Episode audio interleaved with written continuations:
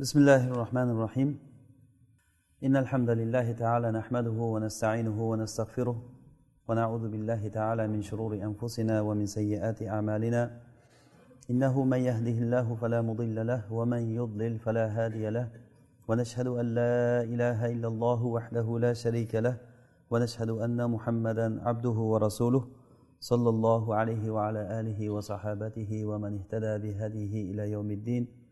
وسلم اللهم تسليما كثيرا أما بعد alloh subhanahu va taolo odamlarni yaratib ularni shunday o'z holicha tashlab qo'ymadi ularni buyurdi va qaytardi kim ollohni buyrug'iga itoat qilsa o'sha kishilarga jannatni va'da qildi va ma'siyat qilgan kishilarga do'zaxni va'da qildi alloh taolo bizlarni buyurgan narsalardan eng ta'kidlisi aqdlarga vafo qilishlik Bergan va'dalarni bajarishlik. Ya ayyuhallazina amanu avfu bil uqud. Ey iymon keltirgan kishilar ahdlaringga ya'ni bergan va'dalaringga vafo qilinglar. Biz vafo qilishligimizga haqli bo'lgan eng haqlik haq bu ayollarga bergan va'damizga vafo qilishlik bo'ladi. Ayollarga bergan va'daga vafo qilishlik bo'ladi. Ya'ni alloh subhanahu va taolo qur'onda ayollarga berilgan nikoh paytida berilgan va'da. Ollohni kalimasi bilan ularni biz o'zimizga mahra e, foydalanishlik uchun halol qilib olishligimiz mana shundagi bizni aqdimizni alloh taolo mitaqon g'olizo deb ismlagan. Qur'onda o'zi mitaqon g'olizo juda muhim o'rinlarda kelgan bittasi payg'ambarlardan ulul azmlardan alloh taolo va'da olganligi haqida kelgan. Ya'ni nuh alayhissalomdan muso iso va boshqa payg'ambarlardan va sizdan dedi rasululloh sollallohu alayhi vasallamga biz ahdi paymonni oldikki haqni siz olloh yo'lida malomatchilik malomatidan qo'rqmasdan yetkazasiz deb payg'ambarlardan alloh taolo ahdni olib va'dani olib mana shu olingan va'dani mana shu berilgan va'dani mithaqon g'olizo deb aytdi. Ya'ni juda ham qattiq mustahkam bu ahdi paymon. Va ikkinchisini nikohda aytdi ayollarga berilgan va'da o'sha nikoh paytidagi bir og'iz men qabul qildim deb ayollar nikoh paytida bog'lanadigan holati mana shuni alloh taolo misaqon g'olizo deb ismladi sifatladi. Demak bu narsa juda katta bir ahd va bunda olloh subhanahu va taolo erkaklarni ham ayollarni ham huquqlarini haqlarini bayon qildi. Alloh taolo o'zi boshdan odamlarni yaratgan paytda bitta nafsdan yaratilganligimizni xabar berdi bizga. Va o'sha nafs sakan topishlik uchun xotirjam bo'lishlik uchun uni juftini yaratib berdi. Juftini shu nafsni o'zidan yaratdi. Yaratib ham uni eng e, egri joyidan badandagi eng egri suyak bo'lgan qaburg'ani eng tepa tarafidagi qaburg'adan alloh taolo ayolni yaratdi. Demak ayol erkak kishidan yaratilingan. Nima uchun yaratilingan?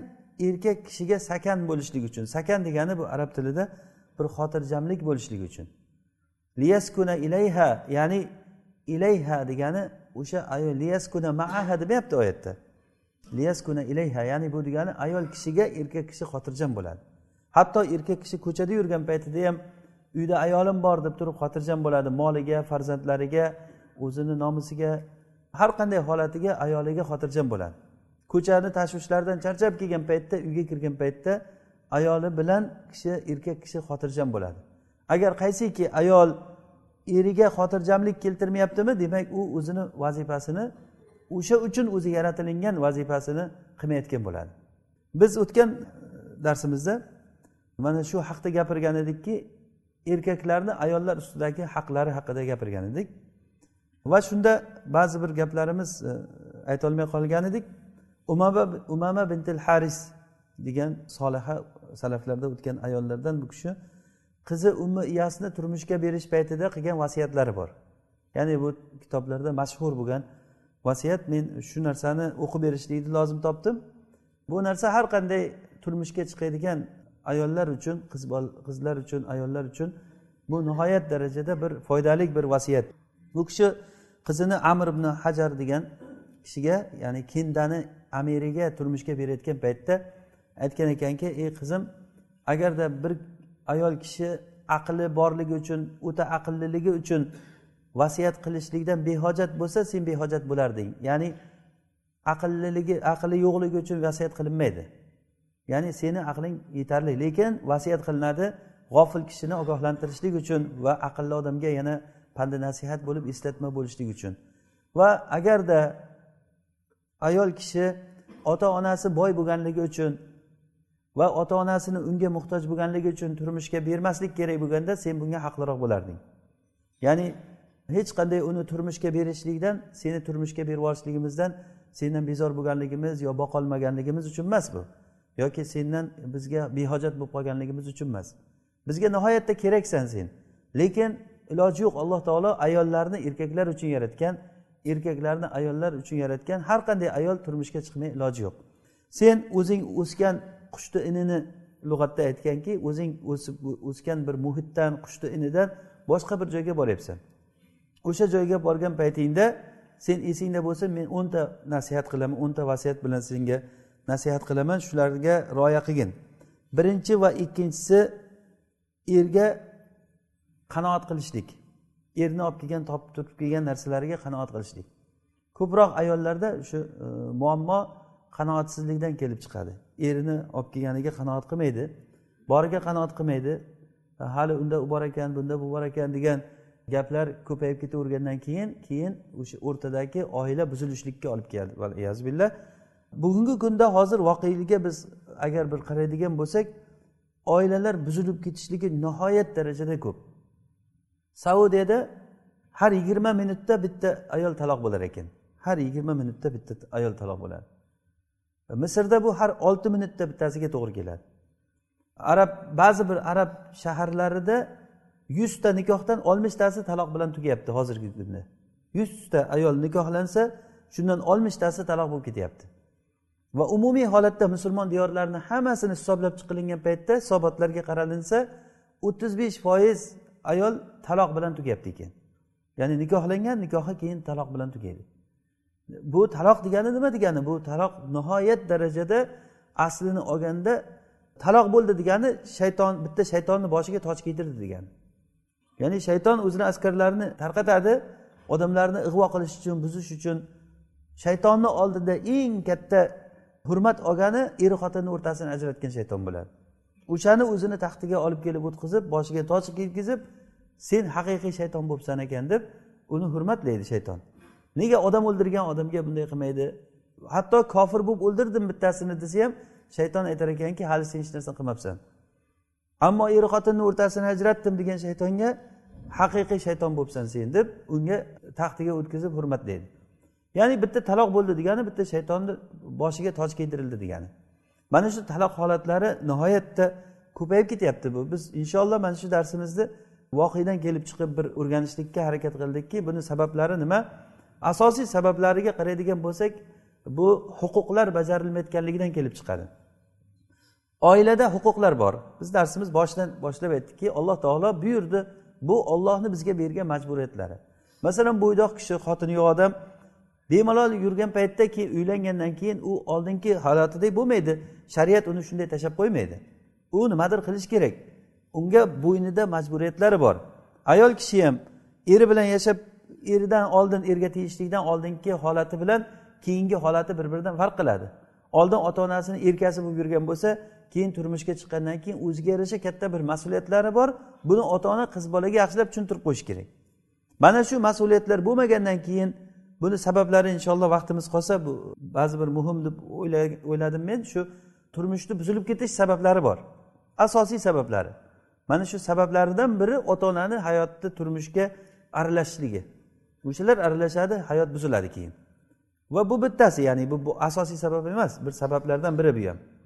Muhim birinchisi erni topganiga qanoat qilishlik. Qanoat qilgin dedilar. Va yana eriga quloq solishlik itoat qilishlik. O'zi alloh taolo oilada vazifalarni bizga bo'lib berdi. Vazifalarni bo'lib berdi. Erkak oilani boshlig'i bo'ladi deb olloh aytdi buni. Arrijalu qavvamuna ala nisa. Erkaklar ayollardan ustun ayollarga boshqaruvchi deydi. Olloh aytdi buni. Olloh aytdimi olloh aytgandek bo'lishi kerak. Agar qaysiki oilada holat o'zgarib qolgan bo'lsa demak u oila olloh xohlagan oila emas u. olloh xohlagan oila emas. Alloh taolo erkakni tuproqdan yaratdi va ayolni shu erkakni erkakni qobirg'asidan yaratdi. Alloh taolo biladiki ayol nimani xohlaydi erkak nimani xohlaydi? Ayol nimaga qodir erkak nimaga qodir? Buni biz ham voqeda kuzatib turibmiz. Ayollar aqli noqis qilib yaratilindi va ular dinida noqis bo'ldi. Ularni aqli noqisligi bir tomondan ularga komillikni beradi ya'ni ularni otifiy bo'lishligi his tuyg'ulari erkakligidan ko'ra bir necha marotaba baland. O'sha uchun ham ularda yaxshi ko'rishligi ham sabri ham erkaklarnikidan ko'ra ancha yaxshi bo'ladi. Har qancha xiyonat qilgan erini ham bitta yaxshi gapi bilan kechirib ketaveradi. Agar ayoldan aqli komil bo'lishligi talab qilinganda oila hech qachon vujudga bir yaxshi oila bo'lib yurmaydi.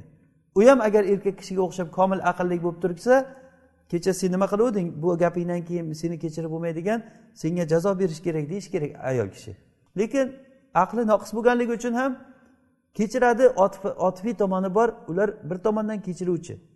Va o'sha otifiy ularda bir tuyg'u his tuyg'ular kuchli bo'lganligi uchun ham har qancha qiyinchilik bo'lsa ham ko'taradi farzandni qancha injiqliklari bo'lsa kasal bo'lsa uni ko'tarib kechasi bilan uxlamay chiqadi. Uni tagini tozalaydi ovqatlantiradi qornida ko'tarib yuradi boshdan. Keyin uni emizadi. Buni qiyinchiligini hech qaysi erkak aqlliman degan erkak qilolmaydi bu ishlarni bu narsalarni tomondan ayol kishi nihoyatda komil mukammal qilib yaratilingan alloh subhanahu va taolo ularni bir tomondan aql tomondan noqis qilsa boshqa otifiy tomondan ya'ni hissiyot tomonidan ularni komil qilib yaratgan. Erkak kishi har qancha aqlli bo'lgan taqdirda ham ayol kishi qilgan vazifalarni qilolmaydi. Buni hammamiz yaxshi bilamiz. Bitta bolani tagini tozalash kerak bo'lsa uncha muncha odam eplolmaydi buni. E, eplasa ham bir marta ikki marta qilgan bilan keyin uni doimiy ravishda qilishlik ayol kishi ana shuni mehr bilan qiladi. Yaxshi ko'rib qiladi. Hatto boshqani bolasini ham kerak bo'lsa ayol kishi yosh bolaga shunday xizmat ko'rsata oladi. Demak birinchi vasiyati birinchisi qanoat qilishlik va birinchi va ikkinchisi qanoat qilishlik va toat qilishlik. Toat qilishligi alloh taoloni buyrug'i bilan bo'ldiki arrijalu qavvamuna ala nisa erkaklar ayollardan ustun erkaklar oilada boshliq. Rasululloh sollallohu alayhi vasallam aytdilarki kullukum roin va kullukum mas'ulun an roiyatihi rajulu roin fi ahli baytihi. Ya'ni sizlarni hammalaring podshohsizlar hammalaring mas'ulsizlar. Erkak kishi o'zini ahli baytida mas'ul degan. O'zini mas'uliyatini xotinga topshirib qo'ygan erkak u o'zini qavvomatini o'zini boshqaruvini ayol kishiga berib qo'ygandan keyin bu oila hech qachon najot topadigan oila bo'lmaydi. Qaysiki oilada agar xotin kishini gapi gap bo'layotgan bo'lsa xotin kishi haligi o'zimiz tilda aytganda rol xotinni qo'lida bo'lsa bu oila olloh xohlagan oila emas bu. Chunki olloh aytyapti rasuli aytyapti olloh o'zi yaxshi biladi. Ala ya'lamu man xalaq? Latiful xabir o'zi yaratganlarni o'zi bilmaydimi olloh alloh taolo o'zi yaratdimi nimaga qodirligini o'zi biladi. O'sha uchun ham oilada bo'layotgan vazifalarni olloh bo'lib berdi. Erkak mana buni qiladi ayol buni qiladi. Ikkovsini haqlari bor. Erkak kishini haqqi bor ayol kishini haqqi bor va ikkovsini mushtarak haqlari bor. Ikkalasini ham haqlari bor. Inshaalloh buni darsimiz davomida aytamiz. Uchinchisi va to'rtinchisi erni ko'zi tushayotgan va burni tushayotgan joylardan ehtiyot bo'l dedi. Ya'ni eringni ko'zi tushayotgan va burni tushayotgan ya'ni eringni ko'zi yomon narsaga tushmasin va burni yomon narsani hidlamasin. Ko'pincha muammolarni sababi mana shu ayol kishi ro'zg'orda o'sha erini ko'ziga yomon narsalarni ko'rsatishlik bilan hatto o'zini jasadida ham hatto uydagi manzildagi jihozlarda ham bor narsani chiroyli chiroyli qilib qo'yishlik har qanday ayolni qo'lidan keladi agar qilaman desa. Va hid hid hid bo'yicha agar yaxshi hidlarni hidlatadigan qilmasa har xil narsalar bo'lsa bolalarni nimalari uyga kirganda gup butib hidi kelib tursa bu hayot borib borib buzilishga olib keladi. Bu nihoyat darajada bizga oddiygina ko'ringan mana nima qilibdi o'zi qilsin u qilsin bu qilsin deydi. Keyin oxiri mana shunday hozir taloq holatlari nimadan bo'lyapti? Nimaga yuzta taloqdan oltmishtasi yuzta nikohdan oltmishtasi buzilish bilan tugayapti bu kimni xursand qiladi? Bu ahvol musulmonlarni ahvoli shu darajagacha kelib qoldi. Bu taloq degan narsa musulmonlardagi narsa bu. Bu kofirlardagi gaplar nikoh ham yo'q taloq ham yo'q ularda. Yashab ketaveradi. Demak bu buzilish bo'lyaptimi? Jamiyatda nihoyatda katta buzilish bor degani bu. Buni sabablari katta katta sabablari bor. Mana shu ayol kishi tomonidan bo'layotgan sabablari bular. Agar ayol kishi mana shu narsalarga e'tiborli bo'lmasa turmushni buzilishligi bilan tugaydi bu narsalar. Beshinchi oltinchisi eringni uxlaydigan paytingni sen yaxshilab bilgin degan. Uxlaydigan paytini va taomlanadigan paytini bilgin. Chunki ochlikni kelishligi bu alangalanish alanga bo'lib yonib ketishlikka sabab bo'ladi va uyquni buzishlik esa g'azabga sabab bo'ladi. Bu nihoyatda ayollar uchun muhim narsaki erini ovqat yeyish paytini ya'ni ba'zi solih kishilar qizini turmushga berish paytida eringni qonidan ehtiyot bo'lgin deb chiqarar ekan uydan. Ittaqi batna zavjik.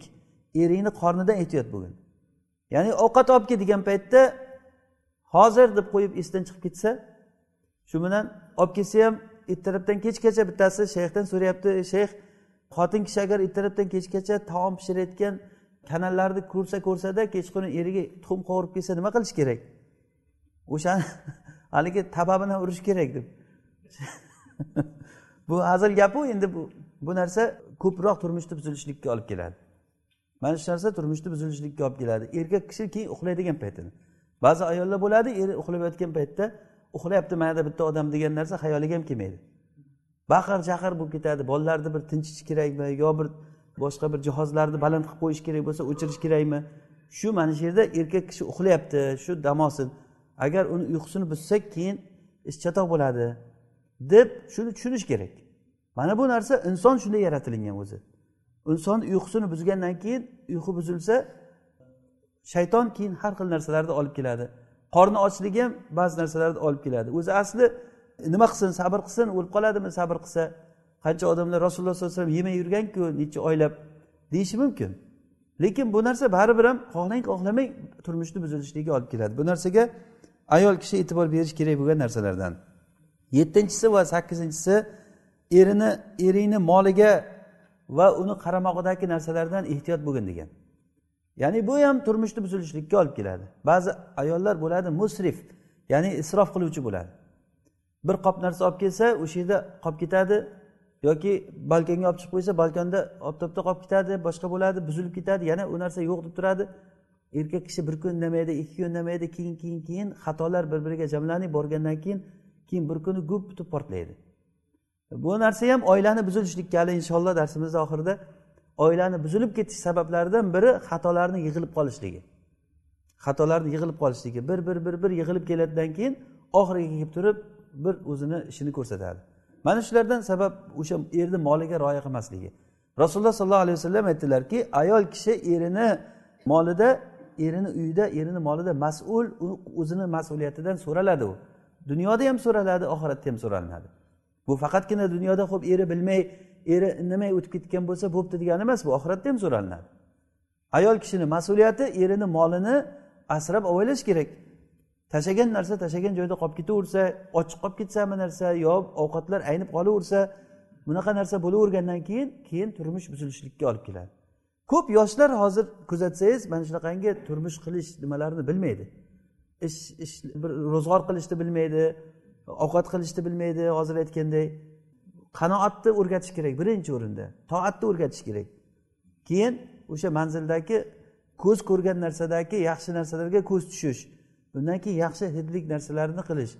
Erini qornidan ehtiyot bo'lishligi uxlash vaqtiga ehtiyot bo'lishligi va yetti va sakkizinchisi erini moliga va erini qaramog'idagi masalan erini farzandlari bo'lsa boshqa ayolidan yoki o'sha singlisi bo'lishi mumkin.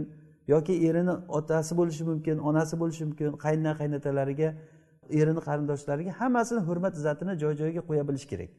Agar o'sha narsani qilolmasa bu turmush ham shu tomondan buzilishlikka olib keladi.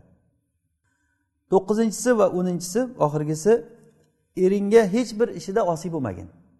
Bu aynan hozirgi kunda bu televizorlarda o'rgatayotgan narsalar sen nimaga ering senga buyuradi? Kim u degan narsa o'rgatilyapti ayollarga. U kim bo'libdi menga? Nimaga men uni xizmatini qilishim kerak? Bu asosan oilani tagidan buzib tashlash degani erga itoat qilma u kim bo'libdi biz boshdan kelishib oldik biz mo'min odammiz. Mo'min kishi bo'lgandan keyin mo'min oila bo'lgandan keyin mo'min oilada har kishini o'zini qilayotgan vazifasi bor. Erkak kishini o'zini vazifasi bor ayol kishini o'zini vazifasi bor. Mana asalariga qarab biz ibrat olsak bo'ladi. Asalarilarni hammasini o'zini vazifasi bor. Ona arini o'zini qilayotgan ishi bor. Hatto uyasidan chiqqandan bir kunligidan boshlab ishlashni boshlaydi. Ho tashqariga chiqib ishlab keluvchi bo'lguncha u uyni ichidagi narsalarni o'sha romkani ichidagi narsalarni tozalaydi boshqa qiladi. Kun o'tgan sari vazifasi o'zgarib o'zgarib boradi. Toki ishchi bo'lguncha.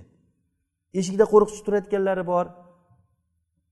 Nihoyat darajada odamni lol qoldiradigan darajada nizom bilan ishlaydi ular. Ana shu nizom bo'lganligi uchun ular asal yig'adi. O'sha uchun ulardan bir natija chiqadi. Qaysi oilada parokandachilik bo'lsa umuman tartib bo'lmasa u oilada baraka xayr bo'lmaydi keyin. Baraka xayr bo'lmaydi. U ayol sakan bo'lolmaydi eriga. Eriga sakan bo'lolmagandan keyin keyin yo oila buzilib ketishlikka olib keladi yo erini o'sha ayolni yomonligiga sabr qilib yurishligi bilan o'tib ketadi kuni. Farzandlari ham keyin o'sha narsaga o'rganadi. Va hokazo. Ya'ni buni hammamiz yaxshi bilgan narsalar. Ho'p o'ninchisi eringni sirini ochmagin degan. Eringni sirini ochmagin. Ayollarni ichiga kirib olib turib meni erim unaqa erim bunaqa. Hatto ba'zi bir ayollar erini qiladigan gunohlarini odamlar ichida butun dunyoga aytayotgan ayollar bor. Bir kuni o'sha shayx mustafa hafizahulloh savol javob bo'lyapti. Ya'ni muboshir ya'ni to'g'ridan to'g'ri bo'ladigan kanalda bir ayol so'rayapti. Men erimni oldiga kirib qolsam erim fahsha kino ko'rib o'tiribdi ekan buzuq kino ko'rib o'tiribdi ekan. Endi nima qilishim kerak deb so'rayapti. So'rayotgan narsami shu? E, bu deb savolni boshlayotgandi shayx to'xtatdi to'xtat dedi sen hozir dedi butun televizordan butun dunyoga eringni qanaqaligini tarqatyapsanmi sen? Bo'ldi o'chir senga javob bermayman men dedi. Bunaqangi beodob ayol kishiga men javob bermayman dedi. O'chiringlar buni ovozini o'chiringlar deb o'chirtirib qo'ydi. Ayol kishi erini sirini ochmaslik kerak. Aybsiz kim bor? Aytingchi kim ayb qilmaydigan kim bor? Kamchilik qilmaydigan kim bor? Hech yomonlik qilmagan kim bor va faqat yaxshilik qiladigan kim bor? Mana bu o'nta vasiyat. Va oxirgisi oxirgisi aytdilarki sen ering ko'chadan g'amgin bo'lib kelganda oldida shodlanib kulib o'tirmagin. Ering shodlanib bo'lsa agar xursand bo'lsa sen xo'mrayib o'tirmagin. Ya'ni erini xursandchiligiga ham sherik bo'l erini xafaligiga ham sherik bo'lgin. Agarda mana shu narsalarga agar yaxshi rioya qilinsa ko'p muammolar yechilib ketadi. Hozir bizni bugungi kundagi qo'rqitadigan oilani buzib tashlaydigan narsalar mana shulardan iborat bo'lyapti o'zi. Hop yana boshqa bir sabablari ham ko'p buni. Er erga umuman e'tibor bermasligi xotin kishini ayniqsa mana shu telefonlar chiqqandan keyin nima bo'lsa kirsa bir narsa olib ketsa olib kelib berib turib yana telefonga qarab o'tiraversa yoki televizorga qarab o'tiraversa ishi bo'lmasa bu narsa sekin sekin sekinlik bilan oilani buzilib ketishlikka olib keladi. Bu narsani ayol kishilar yaxshi bilishi kerak. Biz ayollarni erlarni ayol ayollar ustidagi haqlaridan boshladik darsimizni. Chunki alloh subhanava taolo erkaklarni ayollardan bir pog'ona ustun deganligi uchun o'zi aslida oila islomiy oila ikkovsini ham haqlari bor. Ikkovsini ham bir biriga haqlari bor. Yana erni xotin ustidagi haqlardan yana bir takrorlab o'tsak xotindan foydalanishlik istimto. Bu o'tgan darsimizda ham aytgan edik bugun qisqacha qilib aytib ketamiz. Xotindan foydalanishlik. Hattoki qanday holatda xotinini agar to'shakka erkak kishi chaqirsa xotin shu narsaga javob berishi kerak ekan. Bu haqqi bu. Agar javob bermasa unga qattiq vaidlar farishtalarni la'natlashligi unga va'da qilingan. Bu o'tgan darsimizda hadislarni o'qib bergan edik. Ikkinchisi erkak kishi xotininiga odob berishligi kerak. Ya'ni odob berishligi e, bu narsa erkakni haqqi bor shunga. Agarda itoatsiz bo'lsa hatto urishlikka haqqi bor. Lekin urishlik deganda og'ritmay uradi va yuziga urish mumkin emas. U ham og'ritmay uradi. Urganda g'oyir mubarrih deyilgan og'ritmay uradigan bo'lishi kerak. Bu ham odob berishlik uchun bo'ladi. U qachon? Nushuz bo'lgan paytda ya'ni itoatsiz bo'lgan paytda o'zini vazifasi bo'lgan narsani qilmagan paytida yoki shar'iy vojiblarini qilmagan paytda namoz o'qimasa ro'za tutmasa masalan yoki namoziga e'tiborsiz bo'lsa nimaga o'qimading nimaga vaqtida buni qilmading deb o'sha odob berishlikka erini haqqi bor. Va yana muhim bir haqlardan biri erini uyiga erini iznisiz hech kimni kirgizmaslik kerak. Eri yomon ko'radigan odamlarni umuman kirgizmaslik kerak. Bu erni haqqi bu. Chunki manzil erniki hisoblanadi. Erniki hattoki er xotinni uyda yashab turgan bo'lsa ham er boshliq bo'lgandan keyin o'sha uyni boshqaruvi erini hisobida bo'lgandan keyin eridan beruxsat yoki erini ruxsat berishligini bilsa o'shani kirgizaveradi. Ya'ni urf odat bo'yicha erini nimaga rozi bo'ladi nimaga rozi bo'lmaydi ayol kishi buni yaxshi biladi. Mana shunday holatda bo'lsa kirgizsa bo'ladi. Lekin eri yomon ko'radigan hatto kirgizma buni uyga yaqinlashtirmagin degan odamni ham nima ishingiz bor sizni deb turib eriga nima bu sizga nima yomonlik qildi? deb yana chaqiraveradi yana chaqiraveradi bu narsa xotin kishini o'sha axloqsizligi odobsizligi erini haqqini ado qilmayotganligi bu. Bilyaptimi? Eri shuni yomon ko'ryaptimi? Xotin kishida juda zakovat bo'lishi kerak. Ya'ni eriga qaragan paytda nimani xohlayapti nimani yaxshi ko'radi nimani yomon ko'radi buni bilib olishlik kerak. Oysha onamizni e, holatlarini buxoriy rivoyat qilgan hadisda shunga juda yaxshi misol bo'ladi. Rasulullohni ayollarini ham insonchilikdan kelib chiqqan rashklari bo'lgan. Hatto rashkidan ular oysha onamizga juda qattiq rashk qilib ayollari hammasi yig'ilib turib rasulullohni ayollarni o'rtasida adolat qilsin deb turib odam jo'natgan rasulullohga. Ya'ni adolat qilsin degani muhabbatda adolat qilsin. Rasulullohga o'zi adolat qilishlik vojib bo'lmagan ayollar o'rtasida adolat qilishlik vojib bo'lmagan. Vojib bo'lmasa ham adolat qilganlar. Ularni xotirasini jam qilishlik uchun ularni ko'nglini olishlik uchun biror bir joyda adolatsizlik ishni qilmaganlar. Lekin muhabbatda adolat qilishlik o'zi vojib emas va qo'ldan kelayotgan narsa ham emas.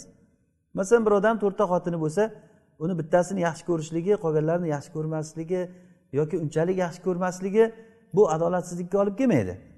Va yana ularni sabablaridan biri aytishligini sabablaridan biri odamlar rasululloh oysha onamizni yaxshi ko'rganligi uchun rasululloh sallallohu alayhi vasallam oysha onamizni yaxshi ko'rganliklari uchun odamlar uni bilib turib rasululloh aynan oyshani oysha onamizni uyiga boradigan paytini ko'zlab turib taom berar e, hadya qilaman degan kishilar hadya jo'natar ekan rasulullohga. Keyin boshqa ayollar aytar ekanki nega rasululloh aynan oysha onam oyshani uyiga borganda jo'natadiyu bizni bizni paytda odamlar jo'natmaydi. Odamlarga aytsin rasululloh adolat qilsin odamlar.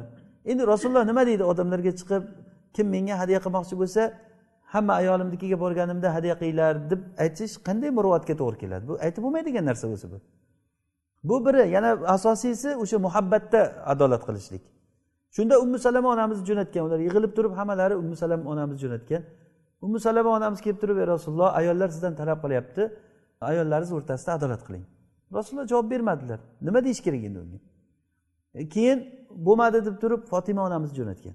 Fotima onamiz rasulullohni qizlari otangizga borib tushuntiring. Yo men qo'yinglar desa ham qo'ymay ayollar hammasi yig'ilib fotima onamizni jo'natgan u kishi keldi.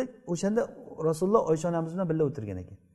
Keyin rasulullohga aytdilarki sizni ayollaringiz meni shunga jo'natdi. Adolat qilsin deyapti sizni shu narsada. Degandan keyin keyin rasululloh aytdilarki ey qizim meni yaxshi ko'rasanmi? dedilar. Ha yaxshi ko'raman deganda bo'lmasa man buni ham yaxshi ko'rgin dedilar. Oysha onamiz ko'rsatib buni yaxshi ko'rgin dedilar. Tamom u kishi shunday chiqib ketdida ayollarga borib aytgan ikkinchi meni bunaqa narsalarga majburlamanglar degan. Ikkinchi gapirmanglar bu gaplaringni. Yana bo'lmadi. Keyin zaynab kelgan. Zaynab onamiz. Zaynab onamiz kelib turib zaynab onamiz o'zi oysha onamizga tenglashadigan ayol bo'lgan. Ham husnda ham u kishi nasl nasabda rasulullohni ammalarini qizi o'zi. Nasl nasabda ham ulug' nasabdan va husnda ham oysha onamizga tenglashadigan bo'lgan. Shunda kelib turib rasulullohga keyin gapirgandan keyin keyin oysha onamizga qarab gapirib ketgan. Oysha onamizga gapirgan gapirgan men aytmoqchi bo'lgan joyim shu. Oysha onamiz o'shanda rasulullohga qarab qo'ygan. Agar men javob bersam rasululloh rozimi yo'qmi deb rasulullohni yuziga qarasa xuddi javob bersa rasululloh indamaydigan holatni sezgan keyin turib shunday gapirganda zaynabni jim qilib qo'ygan jim qilib qo'yganda rasululloh aytganlarki bu abu quhafani qizi bo'ladi bu deganlar. Ya'ni abu bakr roziyallohu anhu nihoyatda so'zamol kishi bo'lgan. Har qanday odam bilan tirashgan tortishganda gap bilan yengib qo'yadigan odati bor ekan. Ya'ni bu abu quhafani qizi bu deb qo'yganlar. O'shanda oysha onamiz rasulullohni o'zi rozi bo'lishligini sezgandan keyin gapirganligini aytilyaptida. Ayol kishi mana shunday erini nimani xohlaydi nimani xohlamaydi buni bilish kerak. Hatto u ishorasidan o'zi nimasidan sezish kerak buni. Og'iz bilan aytganda ham mana shu odamni men yaxshi ko'rmayman shuni kelmasin shu desa ham yana nima ishingiz bor deb olib kelaversa bu degani bu itoatsiz bo'lyapti degani. Xotin o'zini erini ustidagi haqqini bajarmayapti degani. Demak izn bermagan kishini kirgizmaslik kerak. Yettinchi e, yana biri erini uyidan iznsiz chiqmaslik kerak. Bunda ham hadisini biz o'tgan darsimizda o'qib bergan edik. Qaysiki ayol agar erini iznisiz tashqariga chiqib ketsa qaytib kelguncha farishtalar uni la'natlaydi. Qaytib kelguncha farishtalar uni la'natlaydi. Bu nihoyatda yomon narsa bu. Ya'ni erini iznisiz tashqariga chiqishi mumkin emas. Demak ayol kishi erini iznisiz chiqish mumkin bo'lmadimi? Demak kim boshliq ekan degani o'z o'zidan. E, o'z o'zidan erkak kishi boshliq. Bu huquqlar agar hozirgi e, zamonaviy agar oilani deydigan bo'lsak e, zamonaviy oilalarda agar holatini er ham xotin ham o'zini huquqi teng degan nimalarda bu narsalar o'tmaydi. И u o'zi xohlaganini olib kelaveradiyu men o'zim xohlaganimni olib kelmaymanmi uyga deydi. U er er er kishi o'zi xohlagan joyga ketaversa men o'zim xohlagan joyga ketolmaymanmi men nima jinnimanmi men deydi. Men o'zim xohlagan narsamni o'zim qilolmasam deydi. Menga bunechagi hayot kerak emas deydi. Va buziladi keyin. Hayot buziladi. Ularga bu gaplar ularga to'g'ri kelmaydi. Biz aytayotgan narsalar mo'minlarga alloh taoloni buyrug'ini bajaraman. Men er o'laroq er bo'lganimdan keyin nima qilishim kerak ekan? Xotin bo'lib turib nima qilishim kerak ekan? Shariat menga nimani buyuradi nimadan qaytaradi degan odamlarga bu gaplar. Yana biri e, biz buni yuqorida ham aytdikki erini ham o'zini erzida xotin kishi ham molida saqlashligi erni nomusini saqlashligi eriga xiyonat qilmasligi. Ko'pincha oilani buzilib ketishligi mana shu xiyonatlardan bo'ladi. Uni telefonda nimanidir topib oladi? U ayol kishi kim bilandir gaplashib qo'ygan bo'ladi. Kimgadir xat yozganini eri ko'rib qoladi. Olloh asrasin bu narsalar hozirgi kunda judayam katta muammosi bo'lib qoldi. Hammamiz shu muammoni ichida yashayapmiz. Eriga xiyonat qilgan ayollar mana e, kuni kecha bir kishi mendan so'rayapti. Eri xotini eriga xiyonat qilgan eri bilib qolgan. Kechirim so'ragan eri kechirsa dayus bo'ladimi yo'qmi nima qilish kerak? Alloh mustaan ya'ni javob berib bo'lmaydigan savollar. O'zi erkak kishi bunaqangi holatda o'zi so'ramaydi birovdan. U so'ralayotgan narsa emas bu. So'raladigan narsa emas bu. Nomus masalasi erkak kishini nomusi bu o'lim bilan tugaydigan narsa o'zi aslida. Agar g'ayrati bo'lsa bu narsalar hech bir so'rab o'tilayotgan so'ragandan keyin demak u o'shanga loyiq odamlar shu narsaga qandaydir kelishganmi nima bo'lgan u tavba qilganligini haqiqatdan bilgan bo'lsa bir narsa deb javob berish ham qiyin masalalar. Ko'p oilalarda ana shu xiyonat sababli oilalar buzilib ketishlikka olib keladi. Va eri aytgan joyda yashashligi xotinni. Mana bu erni haqlaridan. Ba'zi bir haqlari. Bu huquqlar katta katta huquqlarni aytdik. Endi bugungi o'zi aytmoqchi bu o'zi asli kecha darsimizdagi chala qolgan narsasi edi. Ya'ni erkaklarni ayollar ustidagi huquqlari. Ayollarni ham erlar ustida haqlari bor. Ayollarni erlar ustida haqqi bor. Shulardan birinchisi mahr. Mahr. Erkak kishi uylangan paytda ayolga mahr berishlik kerak. Bu mahr berishlik vojib. Mahr berishlik farz ya'ni vojib deganligimiz farz. Olloh subhanava taolo buyurgan buni qur'onda buyurgan rasululloh sollallohu alayhi vasallam sunnatlarida buyurgan qaysiki erkak bir ayolga uylandimi unga mahr berishlik kerak. Mahrni qanday belgilanishligi nima qilishligi bu fiqh kitoblarida o'rganiladigan narsa. Xohlasa ayol kishi bemahr bo'ldi men mahrimdan kechib yubordim deyishligi ham mumkin o'zini ishi u lekin mahr berishlik kerak. Boshdan shu agar mahr aytilinmagan bo'lsa er xotin o'rtasida nikohda mahr aytilinmagan bo'lsa keyin mahri misl deydi fuqarolar buni. O'sha ayolga o'xshagan ayollar urfda qancha mahr beriladigan bo'lsa o'sha mahrni beradi. Ko'pi cheklanmagan mahrni. Qancha bo'lsa ham tog' misolchalik tilla so'rasa ham haqqi bor. Agar er berolsa beradi berolmasa uylanmaydi u ayolga. Demak mahr ayolni xos haqqi hisoblanadi. Va ikkinchi haqqi nafaqa.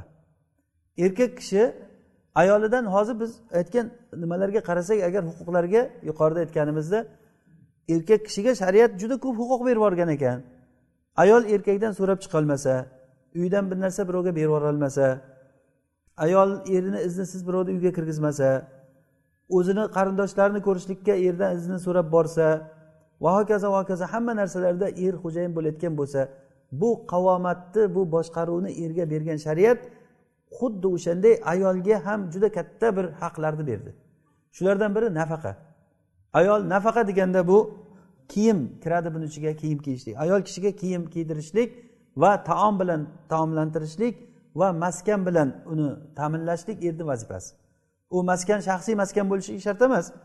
Shaxsiy maskan bo'lishligi shart emas. Qanaqa bo'lsa ham yashaydigan uy bo'lsa ijara bo'lsa ham bo'laveradi.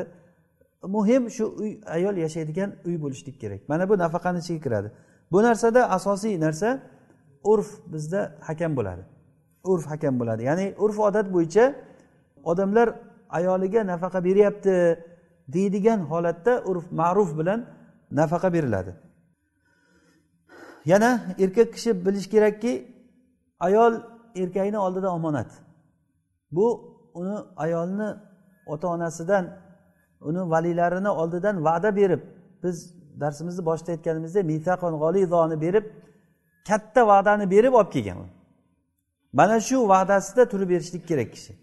Omonatga xiyonat qilishligi o'zi mumkin emas o'zi omonatga xiyonat qilishlik. Bo'lib ham mana bunday omonatga xiyonat qilishlik juda katta xiyonat hisoblanadi.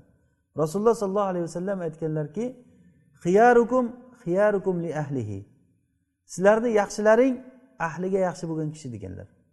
Ya'ni yaxshilikni ko'p namoz o'qiganlaring ko'p ro'za tutganlaring ko'p sadoqat berganlaring demayaptilar. Ahliga yaxshi berganlaringni yaxshilik qilgan ko'p hajga borib kelgan har yil umraga borib kelayotgan odamlar degani emas bu. Odam haj qilsa o'zi uchun qiladi umra qilsa o'zi uchun umra qiladi.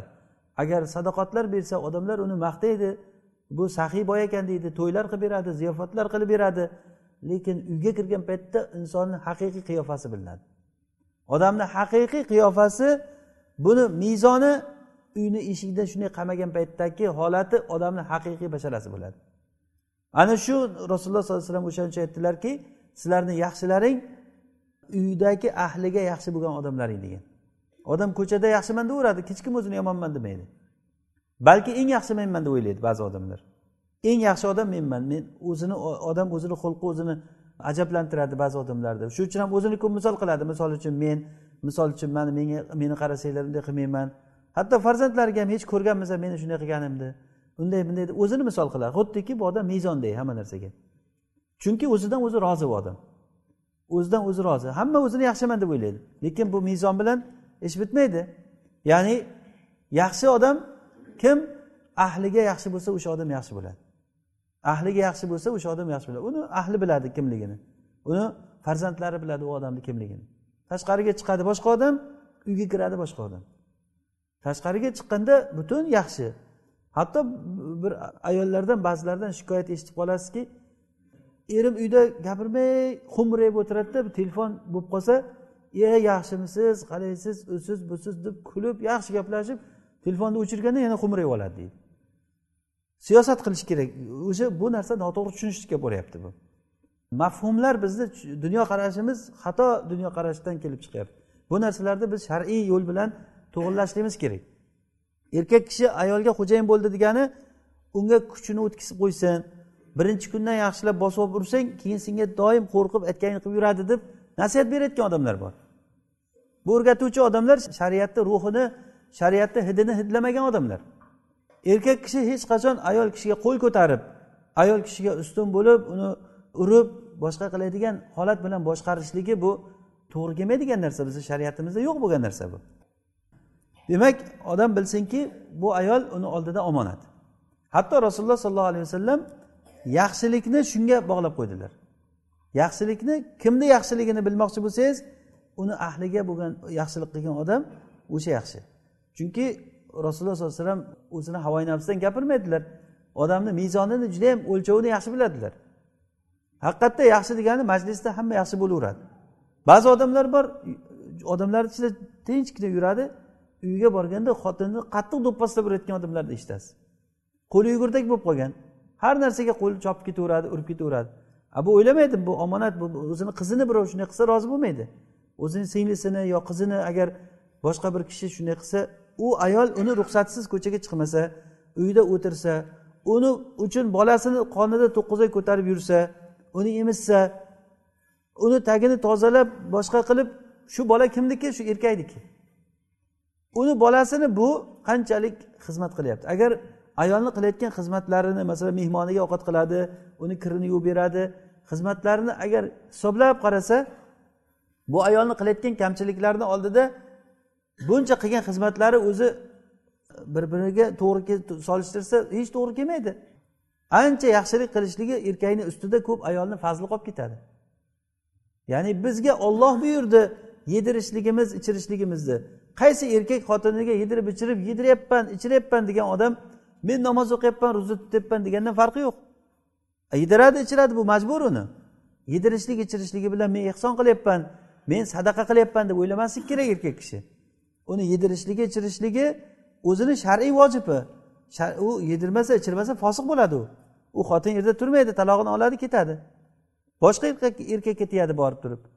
Demak yedirishligi ichirishligi nafaqa berishligi erkak kishini shar'iy vojibi unga shariat aytgan xotinni otalari kelib iltimos qilmagan shuni yedirib turgin oldingda paytida ichirib turgin ustiga kiyim olib berib turgin bizni ilojimiz yo'q senga shu iltimos shu deb aytmaydi uni otalari.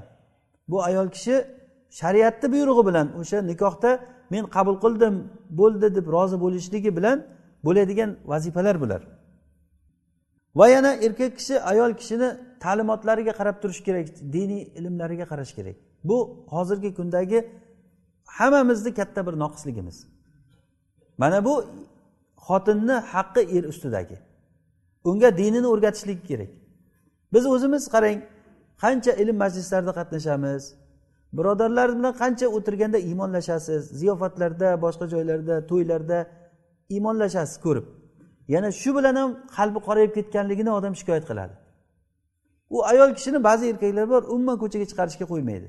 O'shani o'ziga taqvo deb biladi. Bu taqvo qilishlik to'g'ri uyga ko'chaga chiqib noshariy narsalarga aralashmasligi taqvo. Lekin u taqvoni ichiga ilmga ham qo'ymasligi kirmaydida unga.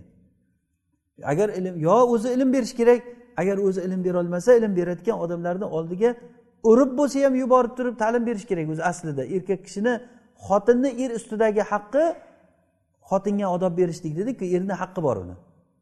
Ya'ni erni haqqi xotinga odob berishligi va xotinni haqqi er unga ta'lim berishligi kerak. Ta'lim uni dinida o'rgatish kerak bilmagan narsalarini diniga imkon qilib berishlik kerak. Uni olgandan keyin xuddi qulni ishlatganday ishlatsa umuman oshxonadan chiqmasa ayol kishi bir umr johil bo'lib turib hech narsani bilmay o'tib ketsa bu erkak kishi erta qiyomat kunida mas'ul bo'ladi. Bu ayol kim u? U ayol buni bolalarini onasi u madrasa u. O'sha madrasani muallimi hech narsani bilmaydigan bo'lsa u madrasadan chiqqan toliblar nima bo'lib chiqadi ular? O'shanga o'xshagan nusxalar bo'lib chiqadi. Erkak kishi o'zi ertadan kechgacha tirikchilik qilaman deb ko'chada yursa uyda farzandlariga qaraydigan ayol ayolni vazifasi farzandlarga qarash kerak. Lekin o'zida hech narsa bo'lmasa nimani beradi u bolaga? Faqidu shay ila o'zida yo'q narsani hech kim birovga berolmaydi. Demak odam bilsinki bu narsa omonat bu. Rasululloh sollallohu alayhi vasallam aytdilarki kullukum roin va kullukum mas'ulun an raiyatihi. Sizlarni hammalaring mas'ulsizlar. Hammalaring qo'l ostilaringdagilardan mas'ulsizlar. Har bir kishi o'zi podshoh ya'ni bir qo'l ostida kimlardir bor. Hatto erkak kishi ahli baytidan mas'ul ayol kishi farzandlaridan erini molidan yuqorida biz aytgan huquqlardan mas'ul ayol kishi. Demak erkak kishi katta bo'lgandan keyin u faqatgina sen boshliqsan degan ism berilmaydi unga. U er, erkak ro'zg'orda boshliq bo'lib turib mas'ul bo'lgandan keyin birinchi qilish kerak bo'lgan narsa ular shu ro'zg'orni ollohni kitobi va rasulni sunnatiga muvofiq yashashlikka nafaqa bergan paytda haromdan topib kelib yedirish emas ularni nimadan yeyapti nima qilyapti bu narsalarga qarash kerak. Erkak kishi o'zini vojibini qilish kerak shu narsada ko'pincha muammolar shulardan kelib chiqadi. Huquqlar ado qilinmaganligidan kelib chiqadi. Ayol kishiga ta'lim bermaydi.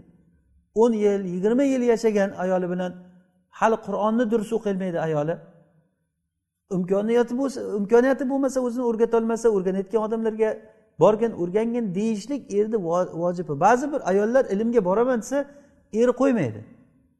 Bu qanaqangi gapki bu o'ziga o'rgatmasa o'rganaman degan paytiga sharoit qilib bermasa sharoiti bor bo'lib turib qo'ymasa ilm o'rgangani uydan chiqmaydi ayol kishi. Keyin nima bo'ladi uydan chiqmagandan keyin? Hech narsani bilmasa uydan chiqmagandan keyin nima bo'ladi? Televizor ko'radi televizor olib berib qo'yibdi internetni ulab qo'yibdi. Mana shuni ko'rib sen fosiq bo'lib uyda o'tir deganday bo'ladida bunday qo'pol aytganda. Bo'layotgan narsalarni ko'rib noshariy narsalarni ko'rib uydan chiqmay mana shunga qarab o'tiraver deganida u. Boshqa nima deyish mumkin buni? Bir ilm o'rganishlikka bir yo'llanma berilmasa odam o'zi nimani o'rganishni nima qilishni bilmagandan keyin nima qilishni bilmagandan keyin u shu oqibati mana shunaqangi narsalarga olib keladi. Va yana eng katta huquqlardan bu hammasini jamlaydigan narsa er kishi xotini bilan e, ma'ruf bilan yashash kerak. Alloh taolo qur'onda buyurganki bil ma'ruf. Ayollarga ma'ruf bilan ya'ni urfdagi yaxshi muomala bilan muomala qilinglar degan. Bu ollohni buyrug'i bu.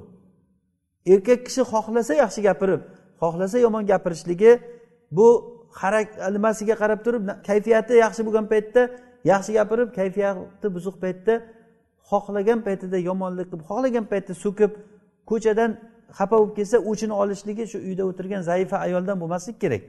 Rasululloh sollallohu alayhi vasallam aytdilarki sizlar ayollarga yaxshilikni vasiyat qilib yaxshilikka o'rgatinglar yaxshi muomala qilinglar.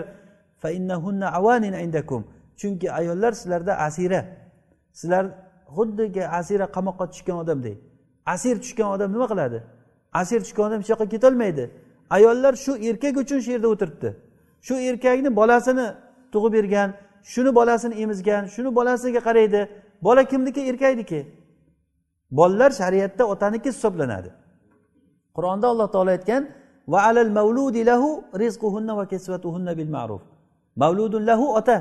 Bolani mavludun lahu deb turib otaga nisbat berib aytyapti alloh taolo. Demak bu bola otaniki bo'ladi.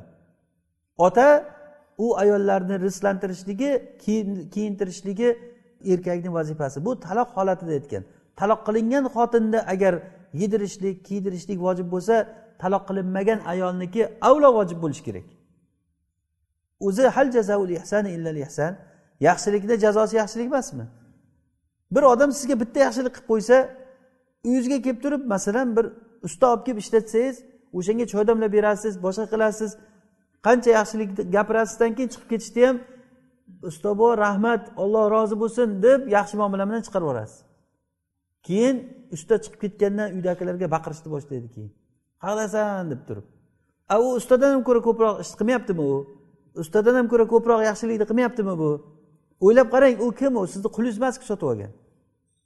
To'g'rimi? Unga sizga kim bo'ysundirib qo'ydi shariatmi? Shariatni halol qilishligi bilan sizni yuzga kelib turgan bo'lsa o'sha shariat sizga mana buni qil mana bu mumkin emas buni qil deb aytgan bo'lsa nega qilmaymiz bu narsani? Bizni o'zimizni vojibimizni nega vazifamizni bu narsani qilmaymizda? Bu bunday olganda qo'pol aytganda nomardchilik emasmi? Haqqimizni to'liq olsakda uni haqqini bermasak vaylullil mutaffifinga kirib qolmaymizmi unda? Allazina idza iktalu ala nasi yastawfun va idza kaluhum aw wazanuhum yuxsirun. Tarozidan uruvchilarga vayl bo'lsin dedi alloh taolo. Ular agar odamlardan bir narsani o'lchab olsa to'liq qilib oladida ularga bergan paytda urib qoladi degan. Aynan shu huquqlar shunday emasmi? Erlik vazifasini qilib turib va ziyodasi bilan olsa u eriga xizmat qilishlik bir or og'iz churqitishga qo'ymaydi. E sen hali menga gapirayotgan bo'lib qoldingmi deb bir narsa degandan turib tashlab qolayotgan erlar bor. Umuman haqqi yo'q uni gapirishlikka deb biladi o'zini. Va o'zi bo'lsa xohlaganidek mazax qilib xohlaganidek gapirishlik uni husnini ham yomonlab gapirishga haqqi bor. Uni har qanday qarindoshlarini ham yomonlab gapirishlikka haqqi bor nasl nasabidan kelib chiqib gapirishlikka haqqi bor o'ziga o'sha narsani halol sanaydi. Agar halol sanab qilayotgan bo'lsa bu odam dinini yangilab olishi kerak. Agar haromligini bilib qilayotgan bo'lsa bu gunohi kabirani fisq ishni qilayotgan bo'ladi. O'zi zulm harom u zulmni ham eng yomoni o'zini qo'lini ostida shuncha yaxshilik qilib o'tirgan odamiga zulm qilishligi. Uni agar yaxshiliklarni sanasa bundan ko'ra katta yaxshilik bo'ladimi?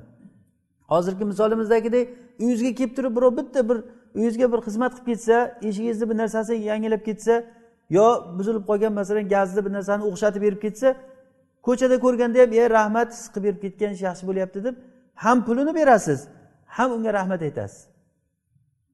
A bu ayol kishiga nima beryapsiz? Kim unga shuncha haqqi bor menda deb uni ko'zini oldiga keltira oladi? Shariatni buyrug'i bilan u ollohni buyrug'i bilan sherik kelgan bo'lsa demak ollohni buyrug'i bilan uni haqqi bo'lgan narsani kimki agar qisib qolsa u haqqini qiyomat kunida ular oladi albatta. Bu narsa qiyomat kuni uchun. Shu dunyoda ular zaif bo'lganligi uchun uni otalari yo'qdir akalari yo'qdir yo bo'lsa ham ha qizim mayli beer qolmasin deb indamay yurgan bo'lishi mumkin. Haligi andi qo'rqoq andishani otini qo'rqoqlik dema deganday lekin alloh taolo uni hamma narsani hisob kitobini qilib turibdi. Maliki yavmiddin alloh taolo birinchi o'zini tanishtirganda jazo kunini podshosi deb tanishtirdi. Jazo kunini podshosi. Qiyomat kunida bu jazo kunida har bir odamlar biz kimga agar bir narsa sitam o'tkazgan bo'lsak ular keladi haqqini olaman deb turib. Odam ilm o'qib yuribman yo boshqa qilib yuribman solih amal qilib yuribman deb o'zini o'zi allaydi qilgan narsalarni hammasini olib ketib qolsa nima bo'ladi u? O'sha uchun qilgan bo'lasiz. Ertaga rasululloh aytganday muflis odamga aylanib qolishlikdan qo'rqish kerak odam. Bugun hozir haqni berishlikka qodirmiz. Agar haqni bugun bermasak ertaga pul ham boshqa narsa ham rol o'ynamaydi. Yo haqqini bering agar haqqini berolmasangiz u narsadan qutuling. Agar qutulmayapsizmi demak zolim bo'lgan holatda bu davom etmang. Chunki bugun uxlasangiz ertalab turmasligingiz mumkin. Manda qanday qilib turib qo'rqmay odam o'ziga o'zi o'sha zulmni halol deb oladi o'ziga o'zi?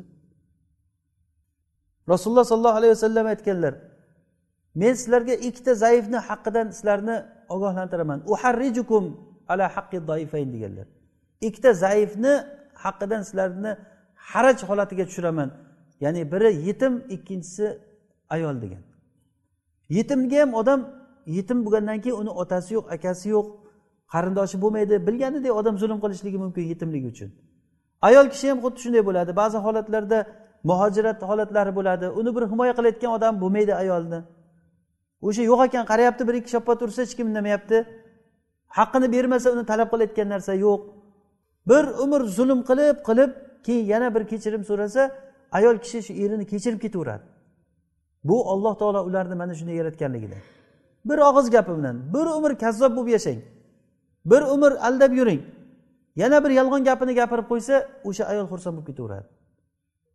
Agar ular sizga o'xshagan aqlli bo'lganda edi bu gapingni endi boshqaga aytasan der edi.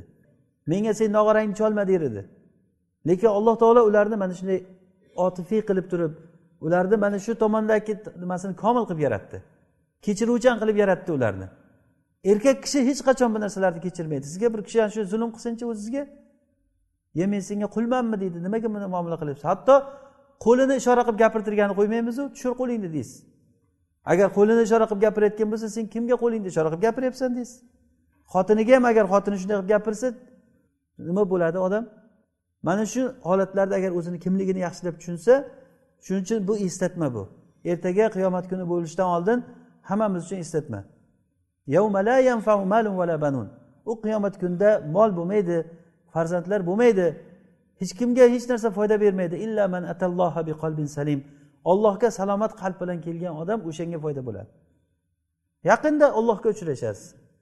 Shunchalik qattiq bir zulmlarni biz shohidi bo'lyapmizki nahotki erkak kishi ayoliga shunchalik zulm qiladi uni uradi haqqini bermaydi.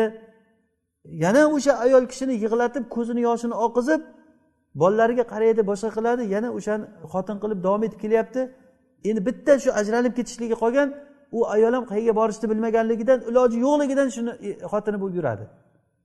Bu nima degan gap bugun iloji yo'qdir. Ertaga ollohni oldiga borgandan keyin u ilojini topadi keyin. Albatta sizga yopishadi. Meni haqqim qolgan mana shu haqqimni olib ber deydi allohga aytadi. Keyin unda sizni urishga kuchingiz ham bo'lmaydi hech qanday quvvatingiz bo'lmaydi. Va yana erkakni ayol ayolni erkak ustidagi haqlaridan biri ayol tomonidan keladigan ozorga erkak sabr qilishi kerak. Ba'zan xulqidan kamchilik bo'ladi.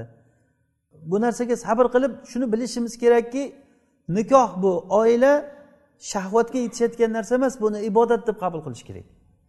Agar ibodat deb qabul qilsak bizga ko'p narsalar yechiladi. Masalan hajga borayotgan odam hajda ibodat deb boradi. O'sha hajga borgandan keyin ibodat deb borganligi uchun yo'ldagi qiyinchiliklari bunga bilinmaydi. Qancha qiyinchilik bo'ladi qancha pul ketadi o'shani o'ziga o'zi odam qabul qiladi shuni. Nikohni ham xuddi shunday ibodat deb qabul qilish kerak. Bir kishi aytib beryapti ahli ilm kishiga bir odam kelib turib sizni men ilmingizni yaxshi ko'rdim xulqingizni yaxshi ko'rdim mana shu qizimni sizga nikohlashlikka olib keldim deb ro'para qilibdi. Haligi odam uyalib qolgan hijolat bo'lib yo'q deydi desa u odamni ko'ngli sinib qoladi. Endi meni shunchalik hurmat qilib aytyapti ekan mayli deb rozi bo'lib o'sha yerda nikohlab uyiga olib borsa haligi qiz cho'loq ekan. Birta ko'zi qiyshiq ekan. Bitta yuzi nihoyatda xunuk ekan. Keyin olloh uchun sabr qilgan shunga hatto shuncha muomalasiga yaxshiligiga haligi ayol buni shunchalik yaxshi ko'rib qolib rashk qilishni boshlagan bunga. Rashk qilishni hattoki namozga chiqib ketaman desa ham yo'q meni oldimda o'tiring deydigan darajagacha borgan ekan. O'n besh yil birga yashadik o'n besh yildan keyin haligi ajali yetib dunyodan o'tdi deydi. O'sha kishini o'zi aytyaptiki men ollohni huzurida eng yaxshi amallarimdan shu deb bilaman deydi. Ya'ni shunga sabr qilganligim. Mana bu narsa nikohdagi holatni ayol kishi bilan erkakni nikohini ibodat deb qabul qilsak ko'p muammolar yechiladi albatta yashash uchun o'rtada sevgi muhabbat bo'lishi kerak degan narsa bu noto'g'ri tushuncha bu. Uylanyapti uylangandan ertasi kunidan taloq qilaman deb aytyapti. Ha desa yoqmadi deyapti. E bu qanaqangi bu g'urur bu qanaqangi erkaklik bu? Yoqmadi. Ko'ryapmizmi shularni ajralib ketganligini? Bittasini men chaqirdim gaplashdim. Nimaga bunday bo'lyapti? Nima muammo bor desam yoqmadi aka menga deydi. A seni bir quluqdan e, yoqtirmasang boshqa bir tomondan rozi qilar. Rasululloh sollallohu alayhi vasallam aytganlar la yafrik mu'minun mu'minatan. Bir mo'min kishi boshqa bir mo'minni yomon mo'mina ayolni jirkib yomon ko'rmasin. Ha yuzi xunuk ekan ha u ekan ha bu ekan agar bir tomondan uni yoqtirmasa boshqa bir tomoni uni xursand qiladi dedilar. Boshqa bir tomoni xursand qiladi. Bu yashash uchun albatta muhabbat bo'lishi kerak degan tushuncha u kinolarda ko'rgan odamlardan olingan narsa bu. Oila bu oila degan narsa to'g'ri bu rahmat va muhabbat bu bo'layotgan narsa bu. Olloh bersa bo'ladi bu. Lekin biz o'zimizni haqqimizni to'liq ado qilsak xotin ham o'zini haqqini ado qilsa bu muhabbat ham bo'ladi rahmat ham bo'ladi mavodda ham bo'ladi hammasi. Lekin ko'p ajralib ketishliklarini sababi shu bo'ladi. Buni asosiy sababi o'sha oilada er ham xotin ham bu oilani ibodat deb qabul qilmaydi. Uni xuddiki bir kiyim kiyganday kiyadi ajablantirmasa yechib tashlab boshqasini kiyishday uni qabul qiladi. Yo'q bu olloh bunday qilib qo'ymadi oilani. Oila kiyim kiyganday narsa emas u. oila bu katta bir madrasa uni orqasida farzandlar chiqadi. Uni orqasida boshqa bir maqsadlarimiz bor bizni bizni maqsadimiz bir ayolga yetishib olish emas bu. Uylanishlikdan maqsad ayolni ko'paytirishlikdan maqsad faqat shahvat qilib yurishlik emas bu. Uni orqasidan ollohga taqarrub qilishlik ollohga yaqinlashishlik.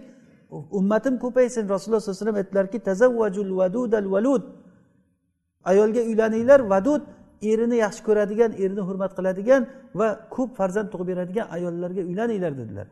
Chunki men qiyomat kunida ummatimni ko'pligi bilan faxrlanaman dedilar. Demak mo'min kishi rasulullohni ummatini ko'paytiraman degan maqsadi bo'ladi uni. U ayol kishida faqatgina shahvat degan narsa hozirgi dunyoqarashda qarasangiz mullalar xotinboz bo'ladi deb qaraydi. Bir olimlardan bir kishidan so'ragan ekan nimaga ahli ilmlar ko'p xotin oladi deb. Chunki ular zino qilmaydi debdi. O'sha gapirayotgan odamlar o'zlari qanday holatda yurishibdi masalan? Insof bilan qaraganda qanday holatda yuribdi? Bu uylanishlikdan maqsad shahvat uchun emas bu. Uylanishlikdan maqsad uni orqasida bir boshqa maqsadlar bor. Bu ibodat bu. Ollohni buyrug'i rasululloh sollallohu alayhi vasallam sunnati deb qabul qilish kerak buni. Agar o'shanday deb qabul qilinsa hamma narsa o'z o'zini joyiga keladi. Olloh buyurganligi uchun masjidda imomga biz iqtido qilamiz. Olloh buyurganligi uchun. Bitta imom u kim bo'lishidan qat'iy nazar. Ba'zan yomon ko'rgan odamimiz bo'lishi mumkin o'sha. Imom yomon ko'rgan odamimiz bo'lishi mumkin. Masalan ko'pchilik odam imomni yomon ko'rishi mumkin. Lekin imom turib ollohu akbar deganda hamma allohu akbar deydi. Imom ruku qilsa ruku qilasiz qiyomda tursa qiyomda turasiz o'tirsa o'tirasiz. Bu biz uchun katta bir ko'rsatmaki hammamiz mana shu ollohni buyrug'ini bajaryapmiz ekan. Bularni eng katta bajaruvchisi er xotin bo'ladi. Er xotin o'zini kayfiyatiga qarab unisi meni bu yoqtir meni tabiatim bu narsani yoqtirmaydi. Meni tabiatim buni yoqtirmaydi desa unisi meni tabiatim meni buni yoqtirmaydi desa bu hayot yo fosiq bir hayot bo'lib yashab yuraveradi yo bo'lmasa hozir ko'rib turganimizdek ajralib ketishlikka olib keladi. Ajralib ketishlikni eng katta sababi er xotin mana shu ishlarni ibodat deb qabul qilmaydi. Ibodat deb qabul qilib bu ollohni buyrug'i deb qabul qilsa xuddi hozir namozda aytganimizdek nima uchun biz imomga iqtido qilyapmiz? Chunki buni ibodat deb qabul qila olyapmiz biz. Chunki olloh buyurgan shunday qilib men buni yomon ko'raman bu ruku qilganda men ruku qilmay turaman deb kim aytadi buni? Hozir butun dunyo qoyil qolyapti shu narsaga. Bir e, germaniyalik bir e, harbiy ofitser kishini aytyapti general odamni musulmonlarni mana shu holatini ko'rib bir musulmon kishi aytgan ekan o'n mingta odamni qancha vaqtda sen safga tizib berilasan desa qanchadir vaqt aytgan yuz mingta bo'lsachi deganda yuz mingtani iloji yo'q degan. Ikki yuz mingta bo'lsachi desa ikki yuz mingtani umuman qilib bo'lmaydi degan. Ikki millionta bo'lsachi endi sen bunga qarab tur degan. Bir takbir aytilingandan keyin haramdagi holatni ko'rgan. Takbir aytilingandan keyin imom istavu desa hamma safda turadi. U safda turayotgan odamlar birinchidan lug'ati boshqa boshqa bir biridan keyin ko'pi choli kampirlar yoshlar ayollar qanday bo'lishidan qat'iy nazar shunday qator bo'ladi hammasi. Bir minut ham o'tmaydi. Imom allohu akbar deb namoz boshlagandan keyin tavof qilayotganlar ham boshqalar ham kuzatib turing. Tipir tipir tipir hamma joy joyiga borib shunday safga kiradi birdan. Imom ingishsa ingishadi tursa turadi. Shunday tartibga keladi. Bu yilda bir marta emas kuniga besh marta bo'ladi bu. Kuniga besh marta mana shu holat takrorlanaveradi. Nima uchun shunday bo'lyapti? Bu robbil alaminga itoat qilib qilyapmiz. Xuddi namozda qanday shunga itoat qilayotgan bo'lsak biz boshqa holatda ham mana shunday deb bilishimiz kerak. O'zimizni kayfiyatimizga qarab bo'layotgan narsa emas bu. Eng muhimi er xotinni muomalasi. Chunki er xotin bilan jamiyat vujudga keladi. Shuning uchun ham mana shuni tushunib din dushmanlari birinchi o'rinda bizni oilamizni buzishlikka kirib keldi. Oilaga kirib keldi. Bu shayton bizni boshlab ota onamizni odam alayhissalom havoni jannatdan chiqargan. Jannatdan chiqarishlikka sabab bo'ldi. Alloh taolo aytdiki inna shaytona lakum adu fattahiduhu aduva shayton sizlarga dushman uni o'zlaringga dushman tutinglar dedi. Shayton dushman bilingki shayton bizni oilamizga kirib keladi. Jannatgaki borib turib odam alayhissalomni vasvas qilgan momo havoni vasvas qilgan shayton u qasam ichib aytganki qiyomatgacha men ularni vasvas qilaman degan. Bu bizni uyimizga kirib keladi albatta. Kirib kelgan o'zi. O'zi uyimizda cho'ntaklarimizda u. Hamma to'ldirib olganmiz hamma joyimizga uni. Ana u o'zini xohlagan tomoniga qarab vasvas qilib buyurmoqchi bo'ladi. Atrofdan uni askarlari bor jinlardan bo'lgan askarlari bor insonlardan bo'lgan askarlari bor. Min sharril vasvasil xonnas allazi yuvasvisu fi sudurin nas minal jinnati van nas. Odamlardan va jinlardan bo'lgan vasvaschilar bor. Qo'shnini ayollari bor boshqalar bor. Bittasi uylangan bo'lsa ular keladi. Nimang yoqmay qolibdi ekan? Seni nima kamchiliging bor ekan? Va hokazo va hokazo. Mana bular hammasi shu vasvas shaytonni askarlari.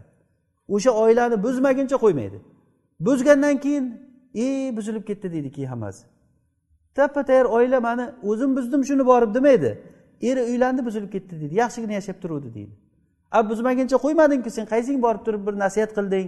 Qaysing shu narsa yaxshi deb buni targ'ib qilding?